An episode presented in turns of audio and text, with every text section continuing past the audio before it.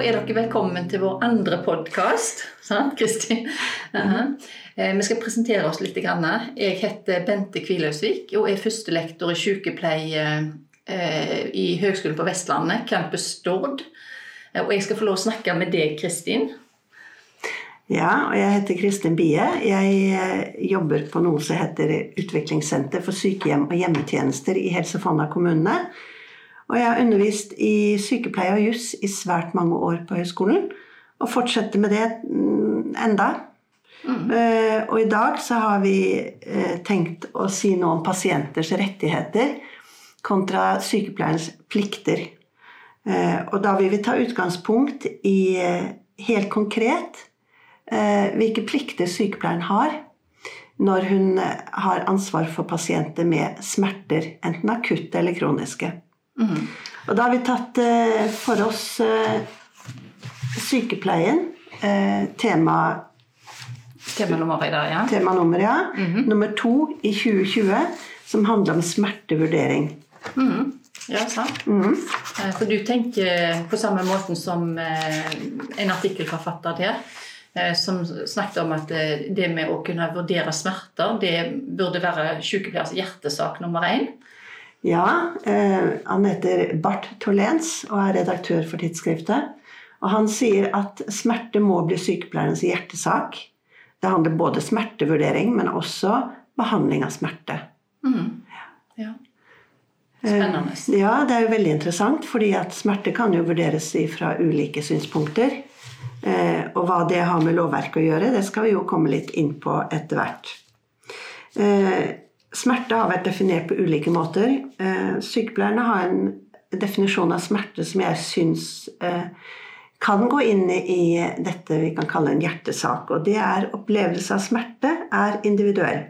Smerte er det pasienten sier det er, når som helst og hvor som helst pasienten sier det er. Mm. Det er en definisjon som er fra 1968, og det er en sykepleier som heter McCaffrey som har laget den. Og den har på, på, en måte stått seg. Den er ikke så biologisk eh, har et så biologisk utsprang som den som vi bruker i medisinen.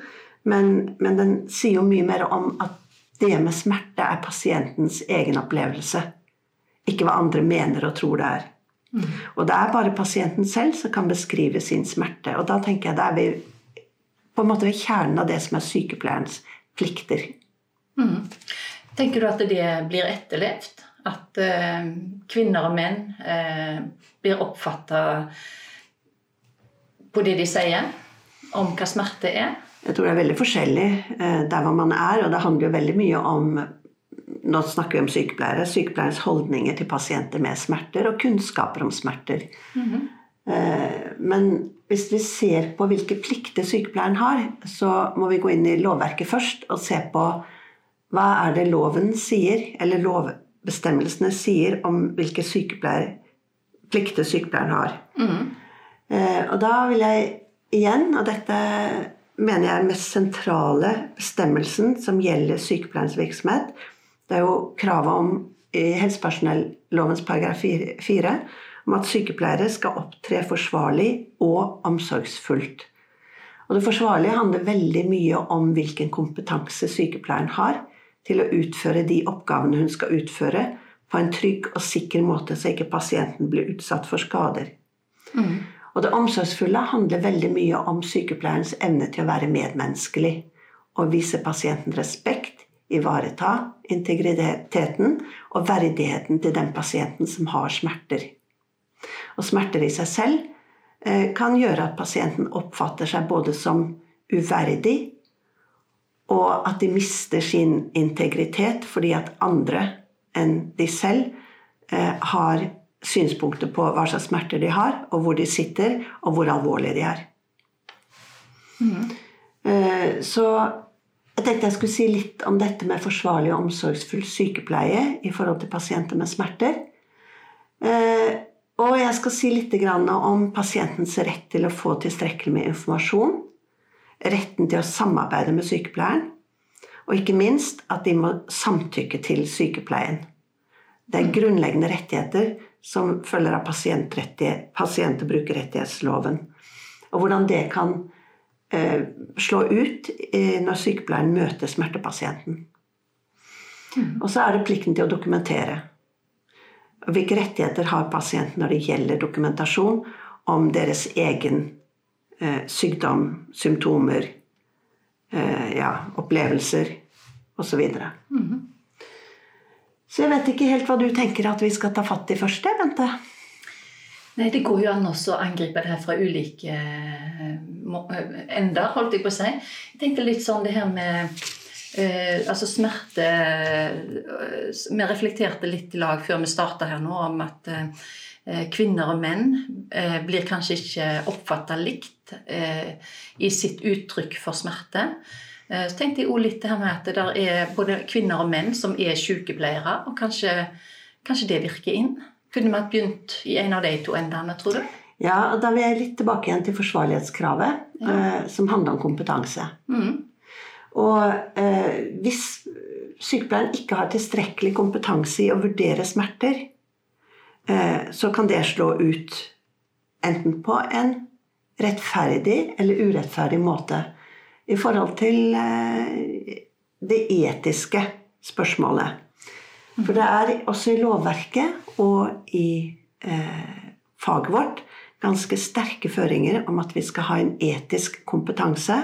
Både til å vurdere hva som er etiske problemstillinger, hva er juridiske, og hva er faglige problemstillinger. Mm. Og det er i helsepersonellovene, nei, i, unnskyld, i helselovene så har vi noe som heter formålsparagrafer, hvor det står en hel del om hvilke verdier vi ønsker at helsevesenet og sykepleien skal bygge på. Blant annet skal det bygge på en rettferdig og ikke-diskriminerende um, måte å gi sykepleie på. Mm -hmm. I temanummeret som vi nevnte innledningsvis, det med smertevurdering, så er det en pasient- og brukerrepresentant. Så skal jeg se om jeg finner eh, navnet hennes her hun heter Karin Havelin. Hun er, eh, er smertepasient, bl.a. Hun har nok flere diagnoser òg, men hun er også smertepasient. Og hun sier noe ganske tydelig at sykepleierens holdninger til menn og kvinner, smerter, eh, viser at menn blir tatt mer alvorlig hvis de rapporterer om smerter, enn kvinner. Det er litt rart. Ja, det er ikke så veldig rart. For tradisjonelt så har kvinners smerter mye større, vært mye større koblet til psykiske lidelser enn menns. Altså menns blir tatt mer alvorlig. Mm. Menn blir tatt mer alvorlig. Mm. går litt over stokk og stein. Ja, det går fint. Ja, um, og vi vet at ikke bare i forhold til smerte, men også i forhold til andre ting, så har kvinner fått uh, mindre behandling uh, enn det menn har fått. Mm. Og når vi kobler det til smerter, så viser det seg også at selv om veldig mange sykepleiere er kvinner, så har de en diskriminerende holdning til kvinner med smerter. Vi vet ikke hvorfor. Nei. Nei. Veldig ofte så blir eh, kvinners smerter knyttet opp mot angst. Mm -hmm. Kvinner har smerter fordi de er engstelige. Mm -hmm. Man sier ikke at de er engstelige fordi de har smerter. Nei. Og det, mitt, det kan det jo bli. Ja, og i mitt hode er det en veldig stor forskjell. Mm Mm. For hvis man er engstelig, og derfor får smerter, så må man jo gjøre noe med angsten. Ja. ja. Og det er lettere å gi en ja, psykofarmaka på en eller annen måte enn kanskje å vurdere smertene og si noe om hva som trengs av smertestillende behandling. Mm. Ja, Så det handler om kartlegging også. Mm. Eh, jeg vet det er mange som ikke liker å høre det, men det er nok fortsatt sånn. Og vi, vi vet jo også det at kvinner med hjerteinfarkt blir i mindre, får i mindre grad diagnosen og også senere behandling enn det menn får, f.eks. For eksempel. Fordi at de har andre typer smerter enn det som er typisk for menn. Mm. Mm. Ja, den kjennes kanskje annerledes ut, den smerten? Ja, det gjør det. Uh, og det kan jo godt være. Altså, det er jo forskjellige årsaker til at uh, mennesker, enten de er menn eller kvinner, har smerter. Og vi vet at det er noen lidelser som er knyttet opp mot kvinner, f.eks. det som Karen Havelin beskriver, endometriose. Ja. Det er jo en typisk kvinnelidelse som har vært underkjent og ofte koblet opp mot psykiatri. Mm. Mens det i realiteten er jo en, en ganske smertefull lidelse i livmor. Ja. Eller Og, og utenfor livmor. i reproduksjons... Ja. Ja. Altså at det henger sammen med reproduksjonsorganene til kvinner. Mm. Og det er det forska en del på, faktisk. Det har jeg sett litt av den forskningen. Ja. Eh, og det viser at eh, kvinner med endometriose eh, de eh, får en veldig dårlig livskvalitet Ja. sammenlignet med veldig mange andre personer med alvorlige sykdommer. ja. Mm. Så det er et alvorlig problem. Det må løftes opp. Det er et alvorlig problem. I tillegg til smertene så kan det jo også føre til at de ikke kan få barn. Mm. Så det det er jo en stor konsekvens. Men hun mener da at, eh, at kvinner som har eh, smerte pga. endometriose i større grad, eh, får en psykiatrisk Ikke diagnose, kanskje, men det blir på en måte lagt over på Det er noe galt med hodet. Ja. Ja. Og det er jo en interessant betraktning hun gjør seg, for hun har vært mye innlagt og, og møtt mange sykepleiere og leger og, og sier at det er en forskjell. ja. Mm. Ja, øh, og dette med rettferdig og ikke-diskriminerende sykepleie er jo også noe som slår inn på dette med forsvarlig og omsorgsfull sykepleie i helsepersonellovens paragraf 4. Eh, For dette med holdninger til pasienter og enkelte lidelser Det handler mye om hvilken kompetanse man har til å drive med systematisk og regelmessig refleksjon for å få disse holdningene på bordet.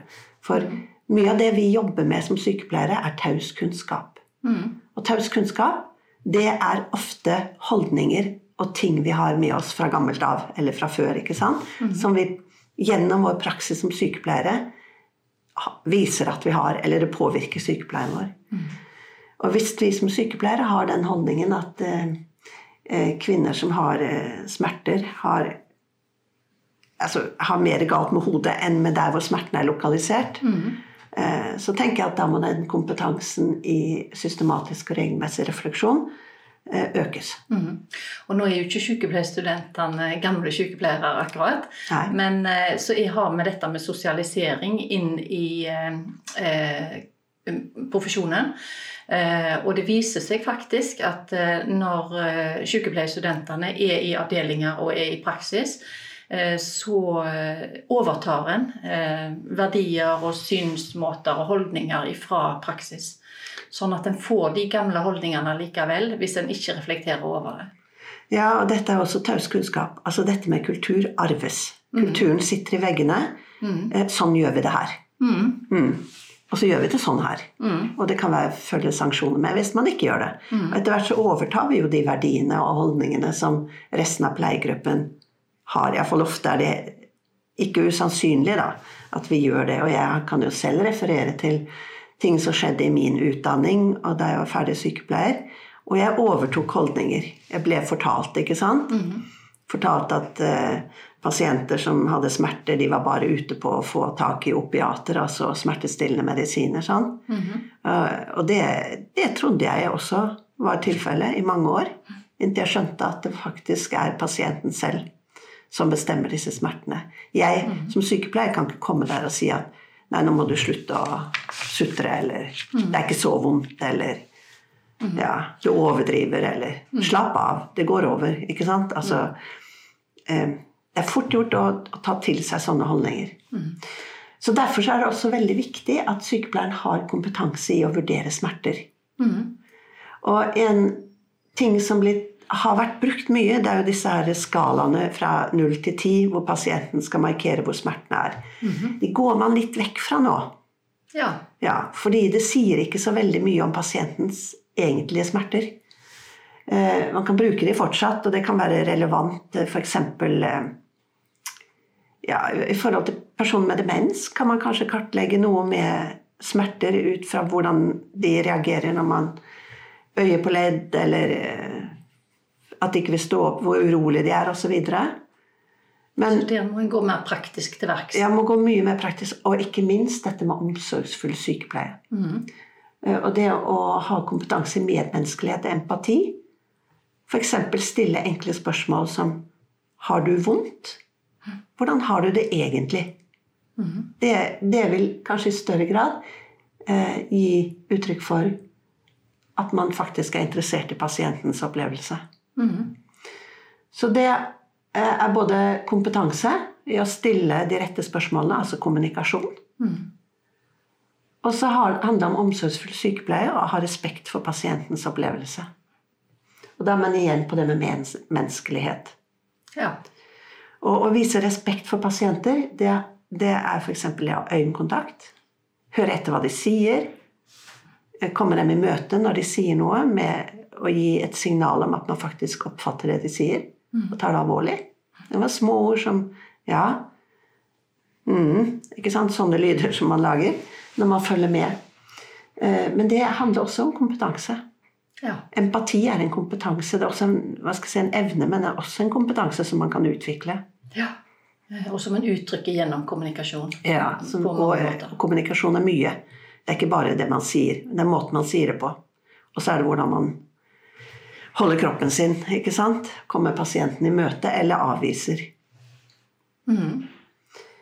Ja, um, rutiner kan være viktige å jeg må, Nei, jeg må jo fortelle. Jeg, jeg, for noen år siden så var jeg på en, et et kurs eller workshop eller hva det skal hete for noe. Og jeg traff en sykepleier som jobbet med eh, for tidlig fødte barn. Eh, og hun sa noe som eh, eh, i hvert fall ble veldig betydningsfullt for meg når det gjelder dette med observasjonskompetanse. Ja. For det, det var spørsmål om hvordan intensiv altså Hun jobber jo med intensivt da med for tidlig fødte barn. Hvordan de sykepleierne vurderte de små barna sine reaksjoner. Og hun, hun fortalte det at eh, de har jo disse Det blinker og lyser i grønt og rødt og tikker og lening og slanger og alt det måler puls og blodtrykk og jeg vet ikke hva de ikke måler. Oksygenmetning og sånn. Men så sa jeg men hva, hva er sykepleie oppi dette, da? Hva tenker du er sykepleie? Så sa hun når det lille barnet ligger i hånden min. Tenk, det ligger i hånden min. Da er det ikke store eh, mennesket. Og jeg stryker over ryggen. Så kjenner jeg at det slapper av. ja. Og det ble så tydelig for meg at da bruker du andre parametere enn de rent visuelle og hørbare. sant? Du bruker din evne som sykepleier til å oppfatte hvordan den bitte lille mennesket der har det. Det var et så kjempefint bilde, syns jeg. Eh, Så det handler om observasjonskompetanse òg. Og har man rutiner for hvordan man skal observere, så vil det ofte være ja, ikke uforsvarlig kanskje, men, men ikke faglig godt nok eh, hvordan man observerer smerter. Det finnes retningslinjer, det finnes i, i forhold til ulike lidelser. Eh, F.eks. kan eh, observasjonskompetanse i forhold Eller når en pasient har vært operert, eh, være viktig for å, å eh, registrere om de har smerter. Og smerter kan jo ofte være tegn på at noe alvorlig er i ferd med å skje. F.eks. En, en operasjon i mageregionen med fare for blødninger. Hvis man ikke observerer pasienten da, og hører etter hvis de sier at de har vondt, eh, så kan det være at man unngår å oppdage at de faktisk har en blødning som ikke skal være der. sant? ja. Ja. I, mens de blir operert. Nei, etter operasjon. Etter operasjon. Et, mens de ligger på intensiv eller på avdelingen. Så sånne rutiner er kjempeviktig å følge. Men i tillegg så skal man ha sin egen Altså at man skal vurdere pasienten ut fra det pasienten sier, hvordan de ser ut og reagerer. Og så har du igjen dette med personer som ikke er i stand til å si fra noe, sånn som den bitte lille for tidlig fødte, ikke sant? Eller en, en eldre person med en demenssykdom som plutselig blir agitert, altså irritabel, sint, uh, urolig. Kan det være tegn på smerter, eller kan det være noe som følger av sykdommen? Og det er det vel også en del dokumentasjon på mm, i forhold til personer eh, med demens, som det har vist seg eh, ved senere obduksjoner.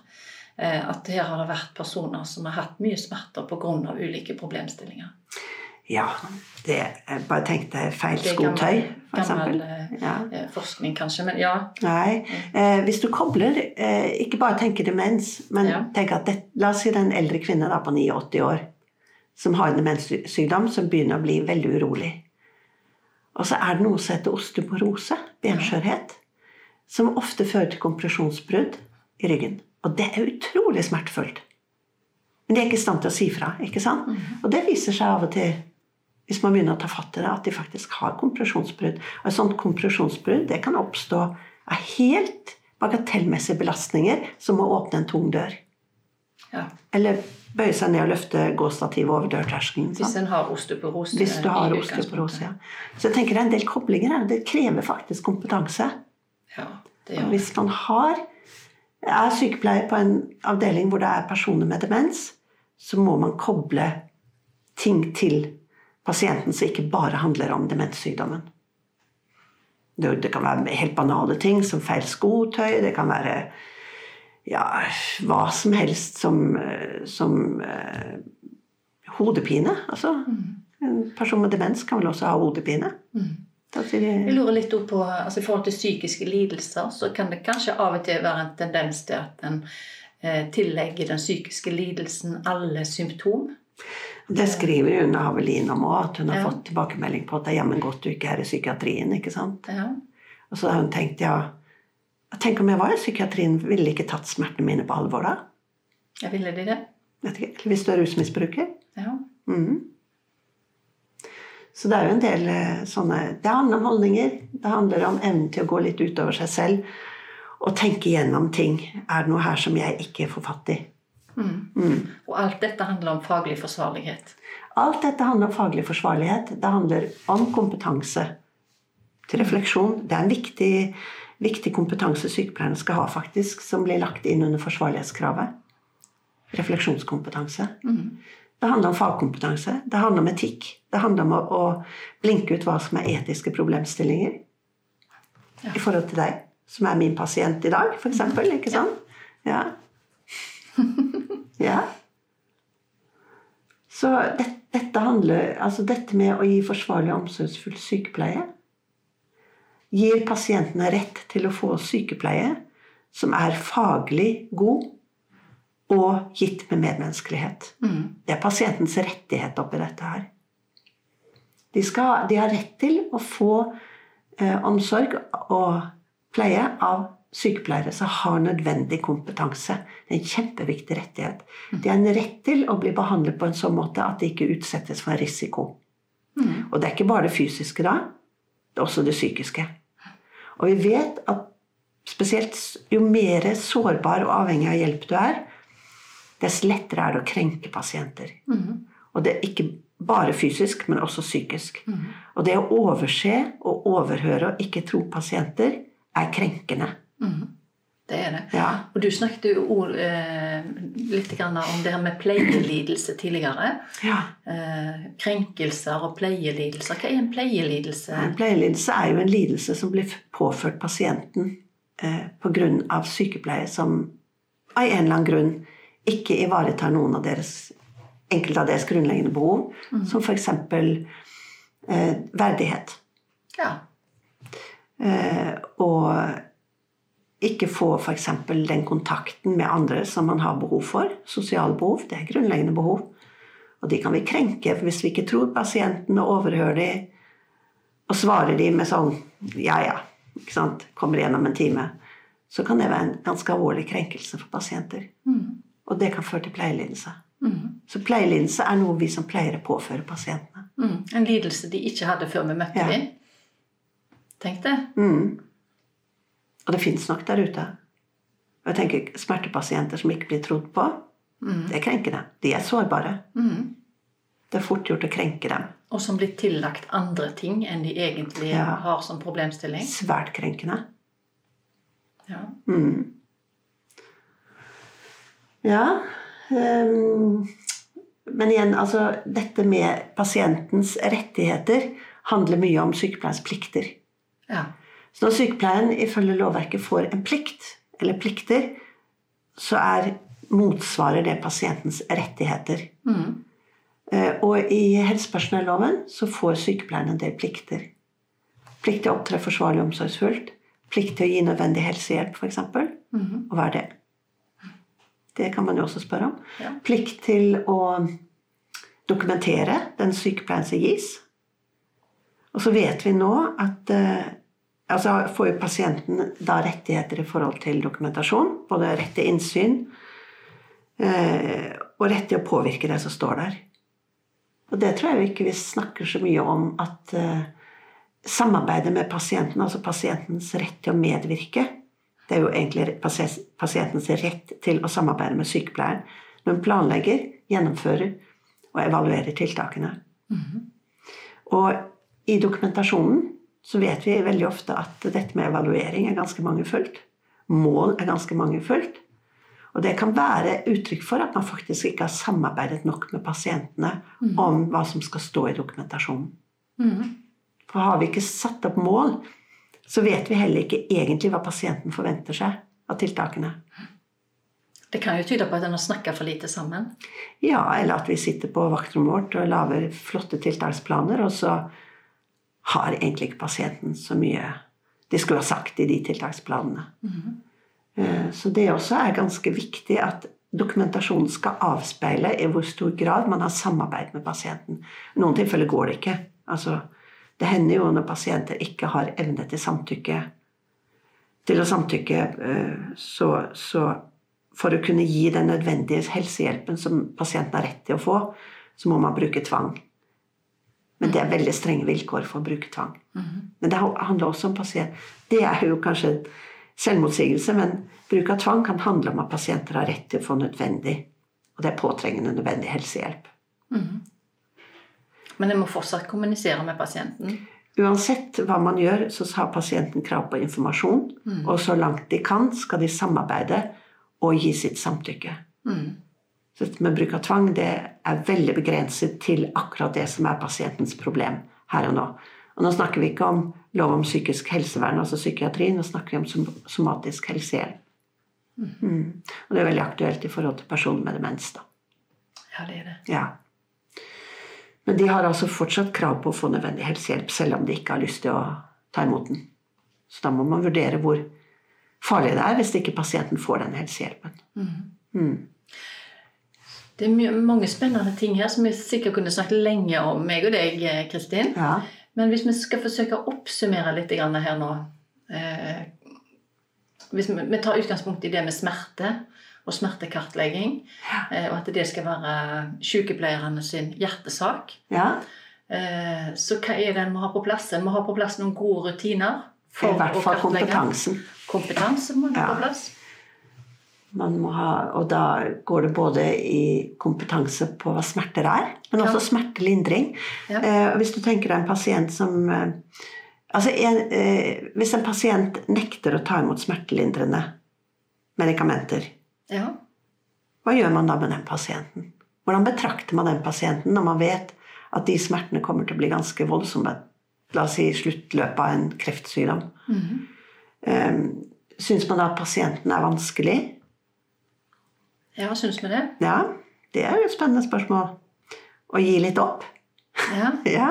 Eller tenker vi at eh, ok, eh, kanskje vi må prøve annen type smertelindring til denne pasienten. Og det fins faktisk andre måter å gi smertelindring på enn medikamentell. Mm. Som regel, hvis det er alvorlige smerter, så kan man bruke begge deler. Ja, Du snakket om berøring i sted i forhold til den ja. Eh, lille babyen. Ja. Men eh, det kan jo hende at det kan være en ikke-medikamentell måte å lindre smerter på i noen tilfeller? Ja, det kan det være. Måten vi tar på pasienter på. Kommunisere i stor grad hva vi tenker om dem. Ja. Mm. Eh, og pasienter som har en alvorlig kreftlidelse, kan ofte få en dårlig oppfatning av kroppen sin. Ja. ja. Og da er det viktig at vi som sykepleiere, når vi tar på dem, eh, kommuniserer respekt Mm. Og at vi verdsetter dem og ser på dem som viktige mennesker fortsatt. Mm. Um, det er viktig. Stillingsendring. Ja. Støtte opp uh, armer eller ben eller rygg eller hva som nå smerter. Mm. Musikk vet vi kan ha en viss smertedempende effekt. Ja. Uh, kulturelle opplevelser kan ha det. Altså et ja. vakkert bilde. Ja, ting som er ja, hva som helst som pasienten mener er viktig for dem. Og hvis en tenker sånn at eh, en skal forebygge smerter, så kan jo det eh, sørge for at eh, personen får eh, de opplevelsene som, som er viktig for den. Ja. Eh, det kan sant? være åndelige eller eksistensielle opplevelser. ikke sant? Ja. Det å få den gode samtalen. Ja. Vi, har, vi, holder jo på å jobbe bl.a. Eh, i en kommune her i, på Haugalandet med å innføre dette som heter forhåndssamtaler. Ja. Eh, Som skal ivareta pasientens rett til informasjon, samarbeid og samtykke. Eh, Og de forhåndssamtalene går i korthet ut på hvordan pasienten ser for seg eh, når de kommer i sluttfasen av livet, hva slags behandling de vil ha, Ja. og hvor de vil ha den. Ja. Og det skal legge stor vekt på hva pasientene mener. Mm. Og det har vel vært til en viss grad vært utprøvd på kreftpasienter. Men f.eks. dette med å få en demenslidelse. Når skal de begynne å si noe om hvordan de vil ha det på slutten av livet? Får de en lungebetennelse, vil de få behandling da? Ja. Ikke sant? Eller ja, vil de på sykehjem hvis pleiebyrden blir tung for de hjemme, f.eks.? Altså, Mm. sant? Altså, Så det det bør en snakke om litt tidligere Ja. enn når en har kommet til slutten. Ja, og Det er et sånt eksempel på hvordan man ivaretar pasientens rett til informasjon, medvirkning og selvbestemmelse. Mm. Flott. Så det er jo også viktige rettigheter som man må ivareta. Og dette med samtykke, Ja. eh, det er jo ikke alltid like lett. Nei, hva er samtykke? Det er i er alle, i alle fall når personen sier at ja, dette er greit, dette, Ja. dette vil jeg være med på, da har du et samtykke. Ja, Men Ja. har du et samtykke når pasienten har en demenslidelse? Hvordan skal du få et samtykke da? Hvordan kan du få det? Mm. Ja. Det var noe der med å ikke motsette seg. Eh, Ja, ja. Altså når du ikke helt konkret sier eller gjør motstand, så kan man jo og syns det er hyggelig å gå i dusjen for eksempel, med hjelp av en sykepleier, så kan man jo si at det var kanskje et samtykke.